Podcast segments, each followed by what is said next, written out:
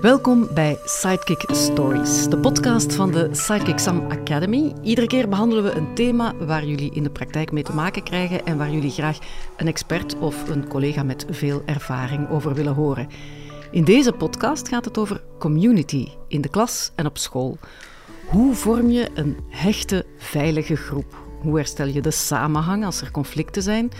Wat is de invloed van een community op het mentale welbevinden van kinderen en jongeren en hoe kunnen leerkrachten hieraan bijdragen?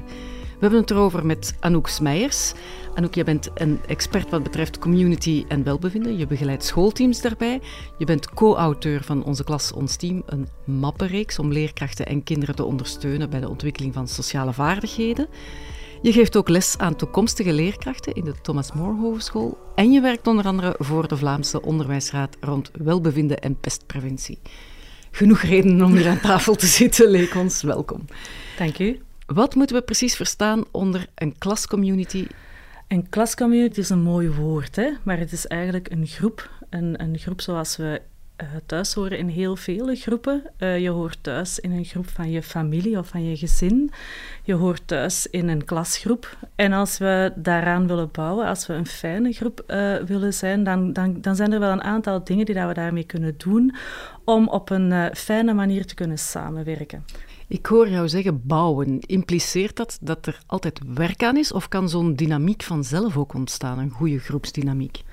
Um, er zijn zeker voorbeelden die je zelf ook kan geven waar je ziet dat er een prima groepsdynamiek ontstaat, heel spontaan. Wanneer kinderen op straat gaan spelen, dan zit daar ook een, een groep samen en dat kan vaak heel erg leuk zijn. Het verschil is natuurlijk dat als ik op straat ga spelen als kind of ik ga naar een jeugdclub als jongere, dat ik die groep kan verlaten wanneer mhm. ik het niet fijn vind, wanneer de normen, de waarden die daar in die groep zitten, uh, voor mij niet passen. In een klas is dat veel moeilijker. Hè? Elke groep doorloopt een aantal stadia. En dat eerste stadium, dat is een kennismaking. Mensen komen samen, zoals wij daar straks samengekomen zijn, elkaar niet kenden. En op dat moment um, begint er eigenlijk al een stukje groepsvorming. Hè? Mensen gaan een beetje afhankelijk van hun karakter de kat uit de boom kijken of eens kijken wie, wie loopt er hier rond, eens luisteren. Um, op dat moment is veiligheid en structuur heel belangrijk. Hè. Wij zijn hier naar binnen gekomen, we hebben een tas koffie gekregen, we zijn naar het toilet kunnen gaan. Mensen zijn heel vriendelijk geweest en hebben ons heel goed meegepakt in uh, dit zijn de dingen die er gaan gebeuren.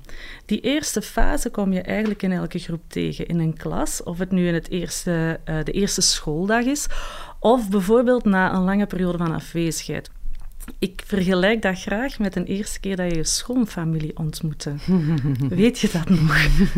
Ja, dat is toch altijd een beetje spannend, hè? Dat is een beetje spannend. Uh, je let op wat je aandoet, je let op hoe je spreekt. Je wil vooral ook kijken, wat is hier de normale gang van zaken? En ik wil daar graag bij aansluiten. Ik wil eigenlijk graag bij die groep bijhoren. En ook in een klas wil je er graag bij horen. Dat, wij zijn uh, groepsdieren, wij zijn uh, sociale wezens, wij willen graag bij een groep bijhoren. Wat is fase 2?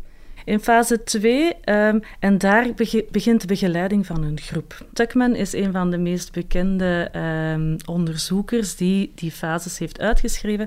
En hij zegt in fase 2, als het niet begeleid wordt, komt er een stormingsfase. En die gaan leerkrachten heel goed herkennen. Een stormingsfase? Een stormingsfase. Een fase waarin dat, uh, mensen toch weer wel een beetje meer zichzelf willen zijn. In elke groep, in elke klas ga je een momentje krijgen dat er wat meer strijd komt. Strijd om een hiërarchie, omdat die hiërarchie mee gaat bepalen wie de normen gaat zetten.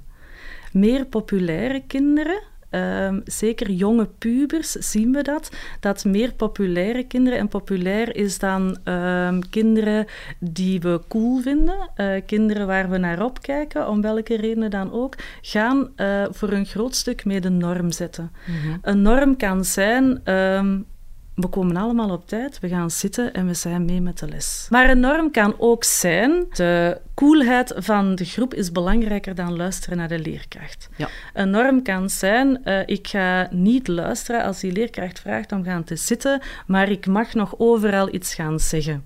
Nu, het bepalen van die normen naar voren halen en dus niet die stormingsfase eerst laten komen, maar na die kennismaking eigenlijk gaan aandacht hebben voor regels en afspraken. Een grotere open deur kan ik leerkrachten niet geven. Het is het ideale moment bij het begin van het schooljaar om daarop in te zetten dan. Ja, want die stormingsfase komt sowieso. Hè. Op een gegeven moment wil ik mij in die groep terug mijzelf voelen? Wil ik terug mijn mening geven? En wanneer ik uh, eerst rond regels en afspraken werk en veel breder eerst rond normen werk. Als ik stage deed in de lagere school, kwam ik uh, aan een stageklas van het vijfde leerjaar. Ik was daar nog niet geweest. En een van mijn uh, leerlingen van die dag komt naar mij en zegt: Jij bent maar een stagiair, naar jou moet ik niet luisteren. Oké. Dan en daar wordt er getest. Dan en mhm. daar wordt er gekeken en hoe ver mag ik bij u nu eigenlijk gaan? Hoe reageerde jij daarop? Um, ik ben ook jong geweest. nee, ik heb gelachen en ik heb gekeken. Ik zeg, oh, dat is wel jammer, want we gaan een, een fijne dag. Maar eigenlijk de reactie alleen al. Het niet laten passeren van die uitspraak, mhm. geen handelingsverlegenheid hebben op dat moment, uh, geeft dat je hebt laten zien, hé, hey, wacht, het is niet aan jou alleen om hier te zeggen hoe wij vandaag gaan werken. Als, aan mij als leider, als leerkracht, is het ook. En wellicht niet direct in een defensieve modus schieten dan? Nee. Ehm, humor is een heel belangrijk uh, ding. Maar Um, autonomie ook. We, we, zijn van ja, uh, heel veel leerkrachten en dat is normaal. Hè? Als ik kijk naar mijn eigen huiselijk leven, ik heb drie kinderen, zijn we nogal gewoon van te zeggen: mannen, we gaan dat op deze manier doen. Wij hebben pas verbouwd, we hebben een mooie kamer voor binnen te komen voor schoenen en jassen. En wat, welke neiging heb je dan om te zeggen, schoenen daar, jassen daar, boekentassen daar, check. Ah ja, dat doen we in de klas ook heel vaak. hè? Mhm. Ik ben de nieuwe juf, ik kom lesgeven, ik heb heel toffe dingen, dit zijn de regels. Dat kan, en voor jonge kinderen werkt dat ook heel goed in hun... Ehm, psychologische evolutie zijn die heel erg gericht naar een leider. Maar bij jonge pubers, of bij, zelfs bij oudere uh, pubers, is het misschien interessanter om dat samen te bespreken. Ja, en samen te gaan. van democratie op een of andere manier. Ja. En wat is de derde fase? De derde fase, we beginnen bij vorming, bij het samenkomen. De tweede fase zou storming zijn wanneer het niet begeleid wordt. De derde fase is norming. Door die twee fases te verwisselen, en dus een norming voor de storming te zetten. Dus eerst samen te gaan kijken, dames en heren, hoe, jongens en wij, hoe gaan wij dat hier eigenlijk doen in die klas? Van het samen te bespreken, dat wil niet zeggen uh, dat als ik met mijn studenten van 19 een klasgesprek doe over regels en afspraken en zij vinden, goh, mevrouw, een gsm, dat kan u toch op elk moment. Dat dat voor mij iets moet zijn dat kan of niet kan. Hè? Er zijn ook wel regels, maar het is misschien handig als we eerst dat kunnen doorgesproken hebben, omdat we zien dat mensen eigenlijk heel vaak hetzelfde willen. Kinderen willen ook in een rustige klas zitten. Kinderen willen ook structuur, dat biedt veiligheid. Doordat ik die regels en die afspraken, doordat ik die normbepaling eerst doe, kunnen we in onze hiërarchie die dat daar dan nakomt, weten we al binnen welke normen dat dat gaat vallen. Als we dat omdraaien, dan zien we dat leiders bijvoorbeeld uh, sneller zelf uh, gaan bepalen hoe dat de dingen in elkaar steken. En als dat aan een negatieve kant gaat, hè, dan is dat veel moeilijker om om te draaien. Dat is opgelegd van bovenaf. Ja. Hoe belangrijk zijn activiteiten bij het begin van het schooljaar? Bijvoorbeeld samen op bezinning gaan of samen op tweedaagse gaan of zo. Is dat bepalend voor zo'n klascommunity? Het kan. Het kan bepalend zijn. Um, heel belangrijk als we in het begin van het uh, schooljaar al uh, op uitstap gaan, zeker op meerdaagse, is de kennis van die leerkrachten hieromtrent. Dan gaat het niet alleen over vakinhoudelijke dingen, maar dan gaat het ook echt over die groep. En als je dat doet, dan kan dat een enorme boost zijn voor een schooljaar, als dat goed loopt. Uh, maar dan moet je denken aan Zeker hè, voor lagere schoolkinderen, de plaats in de bus kan al heel spannend zijn. Zeker helemaal in het begin. Hè. Ehm, we moeten ook ergens slapen. En bij wie mag ik slapen? En, en uh, mag ik dat zelf kiezen? Of wordt dat, um, als daar met kennis van zaken op een hele goede manier wordt omgegaan. En ik hoef niet altijd naast mijn beste vriendje te zitten. Hè. Het is juist heel uh, rijk om naast iemand te zitten die ik niet zo goed ken maar, een hele grote maar daar is, is dat er wel een basisveiligheid moet zijn. Want dit soort van, van uh, activiteiten, of het nu kennismakingsactiviteiten zijn, of gewoon leuke dingen waar dat we elkaar beter leren kennen, daar moet wel een basisveiligheid zijn. Zijn er verschillende manieren van klasmanagement? Ik denk um, dat klasmanagement vooral een containerbegrip is mm. en dat er uh, verschillende dingen onder vallen. Um, in de eerste plaats uiteraard de leerkracht. Nu, um, of je op een vlotte manier voor de klas staat, of je uh, heel zenuwachtig bent voor de klas, of je uh, gewaarschuwd bent voor een bepaalde klas. Um, hoe je daar staat, maar ook de kennis van zaken over klasmanagement. Wat werkt er? Kan ik voor een klas gaan staan en roepen? Ik heb eens een student gehad en die zei tegen mij: Ja, mevrouw, ik heb een hele moeilijke, moeilijke klas. Um, een moeilijke klas. Maar uh, mijn mentor heeft mij gezegd dat ik dat maar wat harder moet roepen. Ja, um, kennis over klasmanagement en wat werkt is wel een hele belangrijke, maar er zijn meerdere factoren binnen dat klasmanagement. Er zit ook de leerlingengroep. Uiteraard zijn er groepen die karakters die samenkomen die een pak pittiger zijn, met normen die een pak pittiger zijn dan een andere groep. Dat is uiteraard zo. En uiteraard bepaalt dat mee hoe gemakkelijk die groep uh, samenwerkt. Maar daarnaast zit ook de, de band tussen leerkracht en leerling. Ik ben ervan overtuigd dat leerkrachten heel vaak hun leerlingen echt graag zien. Hoe bewaar je als leerkracht dat evenwicht tussen het gezellig houden, uh, omdat het goed is voor de groepsfeer, of uh, streng zijn, omdat je de leerlingen echt iets wil bijbrengen ook? De strenge leraar die echt stilte eist, maar een verhaal kan vertellen. Waar dat leerlingen aan de lippen hangen van. Of de leerkracht in wat meer vrolijke chaos, die leerlingen meeneemt in een groepswerk waar dat kinderen autonoom echt iets mee gedaan krijgen. Het is niet of-of, het is, denk ik, heel duidelijk zijn voor wat je staat met een passie voor onderwijs. En voor mij is een passie voor onderwijs ook een passie voor degene die dat daar zit. Is dat misschien nog belangrijker dan een hechte groep, een veilige groep? Of is dat automatisch met elkaar verweven? Als ik mij veilig voel in een groep, dan dat is de basis om een hechte groep te vormen. Als ik uh, kan zijn wie ik ben in de groep, als ik mijn mening kan geven, als ik kan fouten maken zonder dat daar reactie komt um, die niet fijn is, dan, dan kan ik mij veilig voelen in de groep en dan ga ik veel meer naar een hechte groep groeien. Als ik mij niet veilig voel in een groep, dan ga je ook hechte groepen krijgen, uh, mogelijks, omdat het veilig kan zijn om iemand nu net naast een groep te zetten. Je kan ook een uh, hechte groep hebben in een onveilige groep een hechte groep in een onveilige groep. Ja, als ik bijvoorbeeld een pestproblematiek heb in mijn uh, klas, okay. hè, dan kan het zijn dat er daar wel een hechte groep zit. Hecht wil dan in deze niet zeggen dat, de, dat dat diepe vriendschappen zijn. Dat is nog iets anders. Maar ze hangen aan één. Maar ze hangen wel aan elkaar en de groepsafhankelijkheid wordt dan heel erg groot. Want als wij jou buiten de groep zetten, dan uh, zit daar een norm dat dat kan pesten is een groepsgegeven, dan is de norm, wij kunnen hier iemand buiten de groep zetten en dan is het veilig dat u dat bent en niet ik. Wat als het misgaat in een groep en er pesterijen zijn, hoe kan je dat stoppen? Als het misgaat in een groep en er zijn pesterijen, dan um, is het van belang dat we gaan observeren en gaan luisteren. Ook het gaan luisteren naar het slachtoffer, omdat pesten zelden een één op één gegeven is. Het kan, hè, maar het is, komt veel vaker voor dat we met een grotere groep gaan pesten tegen één iemand. Nu, pesten is uh, intentioneel, dus ik heb de bedoeling om iemand pijn te doen, fysiek, mentaal. Um, ik ga dat meerdere malen doen en ik ga dat doen in een machtsonevenwicht waarin het slachtoffer zich eigenlijk niet meer kan verdedigen.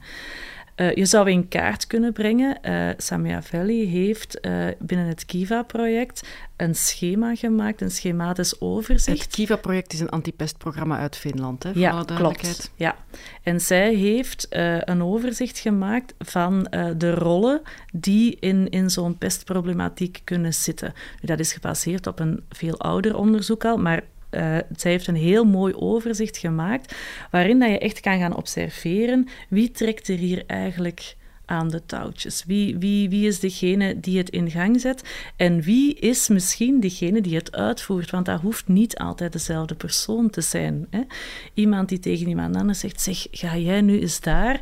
Dat hebben we niet altijd gezien. En... Um, als de assistent, dus degene die, die de pester helpt, als die iets gaat uitvoeren en we reageren onmiddellijk en we stoppen daar ook, dan kan het zijn dat we alleen een assistent aangesproken hebben en dat de pester eigenlijk uh, buitenschot blijft. Het is belangrijk dat we gaan observeren, omdat de vriendschap tussen een assistent en de pester niet altijd zo diepgaand is. En dat die dus gemakkelijker wordt opgeofferd en gezegd: Ah ja, nee, dat was ik niet hoor, eh, dat was de andere. De assistent, maar er zijn ook versterkers. En versterkers zijn mensen die er rond staan, die meelachen, die meedoen. Die mensen aanspreken kan al een heel belangrijk iets zijn. Door die mensen aan te spreken op hun verantwoordelijkheid en, en daarover te hebben, kan je al ehm, heel wat veranderen, omdat als daar mensen zeggen dit vinden we niet oké. En daar mensen in groep veel sterker dan alleen, slachtoffer is alleen, in groep reageren, hey, dit is niet de manier. Um, is een, is een pester op dat moment veel minder sterk en, en is de kans dat het pesten gewoon ophoudt op dat moment uh, zeker reëel.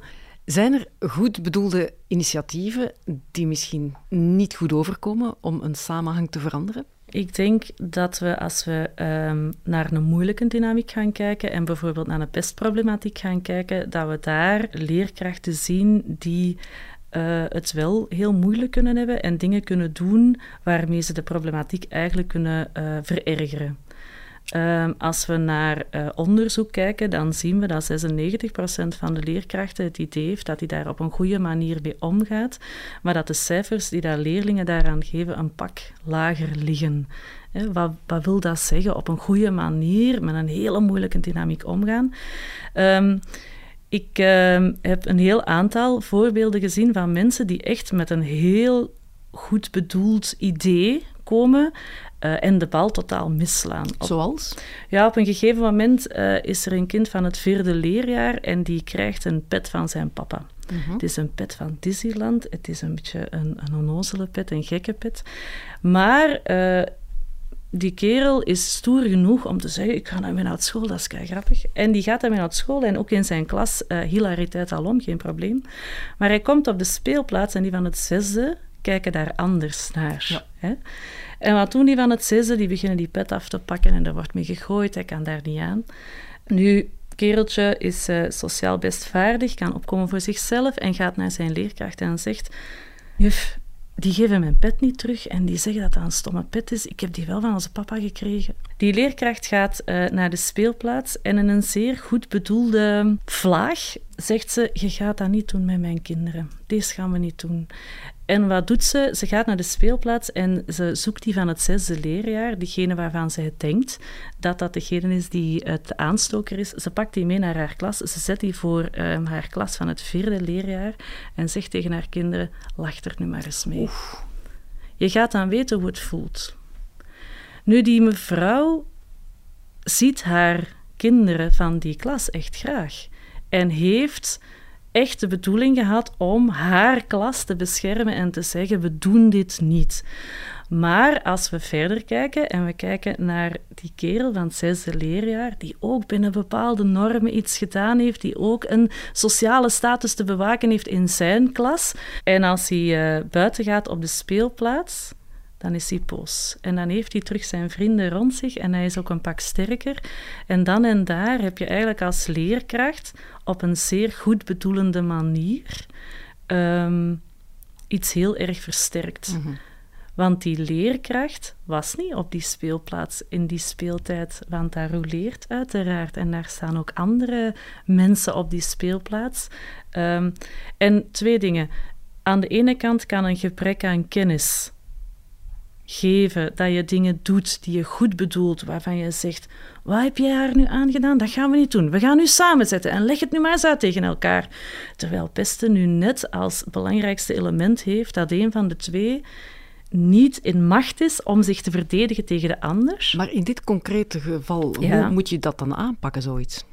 Als je uh, een probleemsituatie als deze hebt, dan ga je in de eerste instantie observeren. Dan ga je kijken wat is er aan de hand en de hiërarchie waar, je, waar we het eerder over gehad hebben, daar, die heb je ook in een pestsituatie. En in een pestsituatie, dat is heel vaak niet één op één, maar dat is heel vaak uh, een pester die een assistent heeft, die mensen rond zich heeft, die een groep heeft en die met een grotere groep naar een slachtoffer toe gaat. Als ik die groep een beetje in kaart wil brengen en dus wil weten wie ik juist moet aanspreken, dan moet ik eerst gaan kijken. Kan ik niet kijken omdat de situatie te kritiek is, te gevaarlijk is, dan ga ik uh, zeker al eens luisteren. En er zijn daar een aantal stappen in. Ik ga eerst luisteren naar het slachtoffer. Ik ga luisteren wat er gebeurt, uh, wat er aan de hand geweest is. En dan ga ik kijken, er zijn heel veel manieren om daarop te reageren, maar een van de manieren zou kunnen zijn om de juiste persoon van de speelplaats te halen, uit zijn vriendengroep te halen, zodat hij niet het gevoel heeft dat er een sociale status te bewaken is voor zijn vrienden. Want als je die uh, jongens met drie tegelijk aanspreekt, ga je een heel ander verhaal krijgen.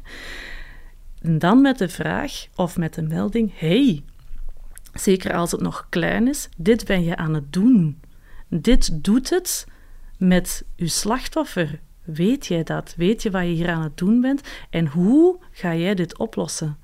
Ik denk dat het een heel belangrijk element is om niet alleen te, uh, met de vinger te wijzen, uh, te straffen, maar ook echt wel de verantwoordelijkheid bij het andere kind te mhm. leggen. Hand in eigen boezem. Ja, dit heb jij gedaan, dit is wat er gebeurd is, hoe ga je dat oplossen? Um, in het secundair kennen we ook wel uitsluitingen. En wat doen we daar? Uh, we, we, halen een, een, een jongere een aantal dagen uit een klas. En dan zonder contact in sommige scholen. Er zijn ook scholen dat echt heel mooi loopt. Maar in, in uh, nogal afgemeten uh, versies kan het ook zijn: ik haal jou uit de klas, want jij hebt iets gedaan dat niet kan. En ik zet jou na zoveel dagen terug in die klas. En wat doet dat dan met mijn status? En wat doet dat dan met mijn populariteit? Al dan niet in een moeilijke klas. En wat doet dat dan met de normen en het gedrag dat wij als normaal gaan zien? Het lijkt niet alsof het probleem daarmee opgelost is, in tegendeel. Nee, het is net interessant om uh, de binding te houden op een of andere manier. En uh, te blijven investeren in die jongeren dat is een hele belangrijke, denk ik, die je moet meepakken als je met een hele negatieve uh, klassfeer zit. En als je daaraan denkt, omdat het niet opgelost is, ook met pestproblematieken, ook in de lagere school is het niet opgelost met te zeggen, ik haal hier een kind uit, we sturen die weg, of er gaat, ja, nu is ze naar een andere school, nu is het opgelost. Niet de oplossing. Nee, nee. zeker niet de oplossing. Ik heb nog een heel concrete vraag over jongeren van het eerste en tweede middelbaar, secundair onderwijs. Zij moeten plots uh, gewoon worden aan allerlei nieuwe vakleerkrachten om het uur een andere leerkracht. Hoe bouw je daar een goede community rond? Dat is natuurlijk uh, versnipperder, dat klopt, maar daar zijn ook zeker uh, klastitularissen en daar zijn titularisuren vaak voorzien om net die klassen uh, bij elkaar te, te pakken en daarmee bezig te zijn. In een secundaire school zie je dat er ook vaak leerlingbegeleiders zijn en dat er daar ook weer een netwerk is van mensen. Um, en zeker ook als we kijken naar de speelplaatsen, zien we op meer en meer secundaire scholen dat er speelplaatsen gemaakt worden voor de eerstejaarsleerlingen, voor de tweedejaarsleerlingen, waar er um, nog meer gespeeld mag worden op een of andere manier. Het is een uh, groot verschil, een 12-jarige of ja, een 18-jarige. Ja, uiteraard. En die 12-jarige, als die op dezelfde speelplaats zit aan die 18-jarige, dan wil die toch ook wel aan een zekere stoerheid voldoen. Um, en dan is het ook wel leuk om een speelplaats te hebben waar uh, ik ken een, een, hele toffe secundaire school waar er echt uh, spikeball en volleybalnetten hangen en waar dat er echt kan gespeeld worden tijdens de speeltijd. Wat voor die kinderen natuurlijk een, een verademing is en waar dat, dat dat geeft dat ze nog iets meer kind mogen zijn op hun twaalf. En misschien is een leerlingenraad daar ook ontzettend belangrijk dan. Ja, Heel wat uh, secundaire scholen uh, hebben daar hele mooie voorbeelden van, van leerlingenraden. En dan denk ik dat de, de combinatie tussen een 12 en 18-jarige wel een heel mooi idee is om te gaan kijken hoe doet zo'n um, zo'n adolescent dat om, om uh, te gaan spreken over van alle onderwerpen. Hè. Maar die, die inspraak is inderdaad een heel mooi gegeven om kinderen zelf, of jongeren in dit geval zelf, te laten aangeven waar zij de nood zien. En ik denk voor leerkrachten dat het ook zeer belangrijk kan zijn dat ze een soort van mentorgesprekken kunnen hebben met de jongeren en zo. Dat is vanuit dat perspectief wel interessant. Dat is een win-win situatie, ja. ja, klopt. Dankjewel, Anouk Meijers.